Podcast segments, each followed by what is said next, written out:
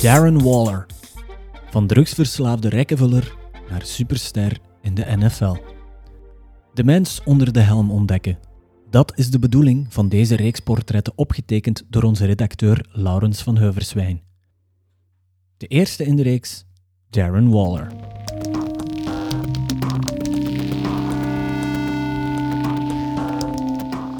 ...2017. Een Jeep Grand Cherokee op een parking vlakbij de trainingsfaciliteiten van de Baltimore Ravens. Een dosis pillen in de handen van Darren Waller. Op dat moment een wide receiver voor de Ravens. Hopend op een nieuwe high. De schuwe, duidelijk verslaafde Waller nam de opioids als een junkie en werd tot zijn eigen verbazing wakker als een ander mens. Darren Waller groeide op in Ackworth in de staat Georgia. Waller kon op zijn twee jaar lezen en bleek over een fotografisch geheugen te beschikken. Die eigenschap hielp toen hij op zijn vijfde flagvoetbal begon te spelen. Een doodnormale leeftijd in het voetbalgekke Georgia.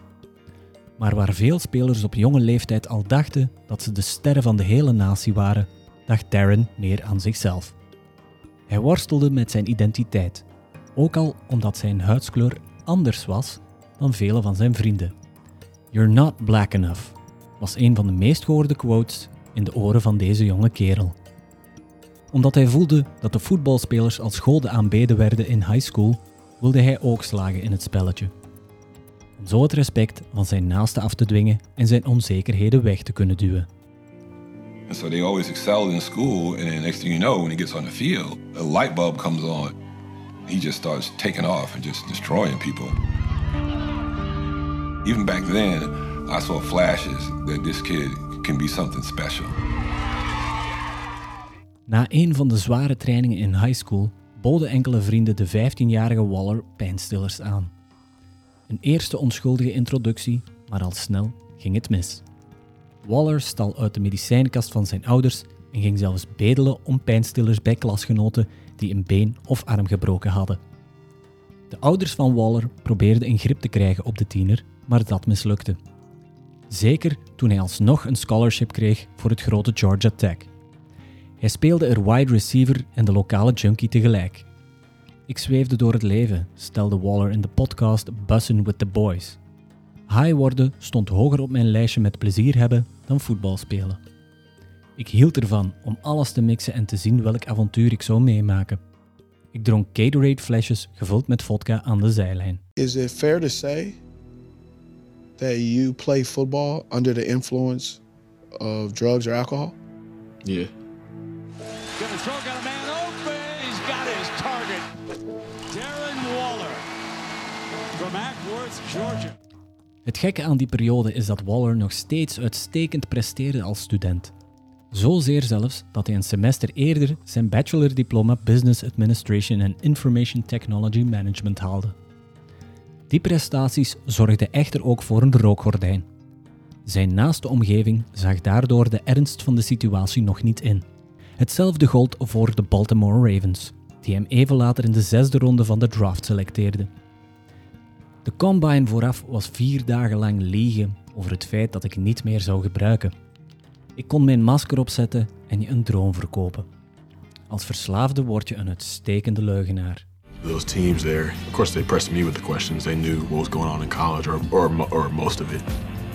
I knew I had to lie my ass off. I'm like, nah, like that's behind me. That's just who I was then.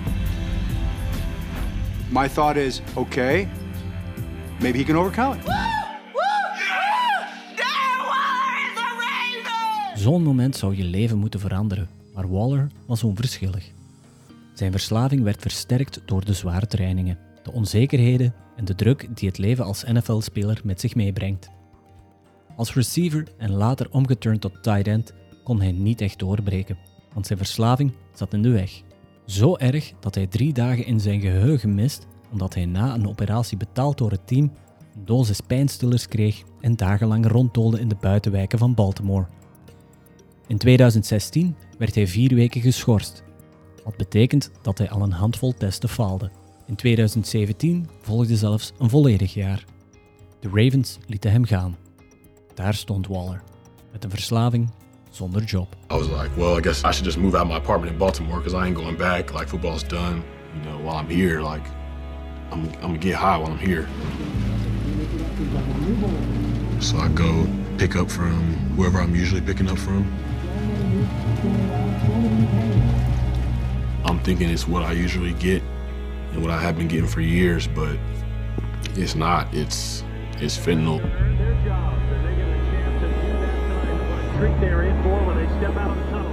It knocked me out in my car for like four or five hours. I was in that parking lot right there on Owens Mills.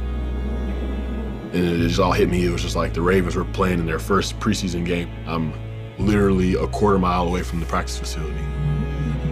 I'm closer to death than I ever was before.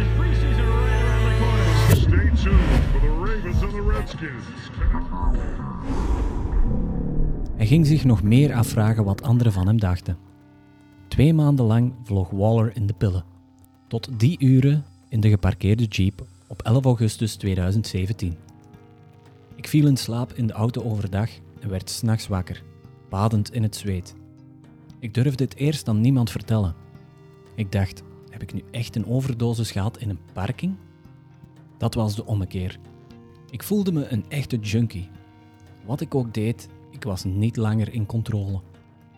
Waller sprak eindelijk de waarheid tegen de hulpverleners en zijn familie.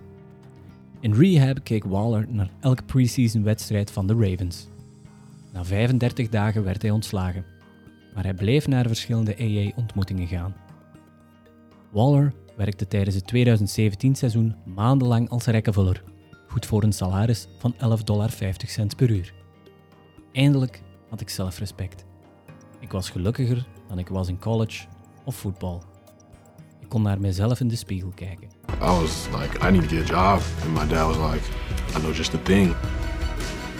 They hired me as a grocery clerk. I was stocking shelves. I was bagging at the front and putting in work. And I value my work. Like I make the shelves look nice, make a good display. Those little things start to add up and carry over into income habits. So you're sober now, clean. You get a phone call to go back to play football. Waller keerde terug naar de Ravens na zijn schorsing. Maar daar hadden ze hem al vervangen door Mark Andrews en Hayden Hurst. Ik was de beste in training camp, maar ik kreeg geen kansen meer. Ik zat in de practice squad. Dat zou vernederend kunnen zijn, maar vergeet niet, ik had een overdosis gehad en leefde van een minimumsalaris. Was het laagste punt in mijn leven al lang voorbij. Samen met Robert Griffin III was hij de opwarming aan het doen in Oakland toen de offensive coordinator van de Raiders, Greg Olson, Waller zag opwarmen. Een dag later pikten de Raiders hem op voor het active roster. De rest is geschiedenis. In Oakland waren de pillen vergeten, maar zijn verhaal niet. De monden vielen open tijdens een rondje bijbelstudie met enkele spelers. Ik vertelde open mijn verhaal en iedereen was met verstomming geslagen. Dat ze luisterden zonder te oordelen deed me realiseren dat ik ook belangrijk kon zijn voor een ander. Niet enkel voor mezelf, zoals ik leefde in Baltimore. Waller tekende in 2019 een vierjarig contract voor bijna 30 miljoen euro. Met dat geld opende hij de Darren Waller Foundation, waarmee hij jonge kinderen en tieners helpt om drugsproblemen te vermijden en te bevechten. End spreekt ook nog vaak op AA-meetings en andere events over drugsproblematiek.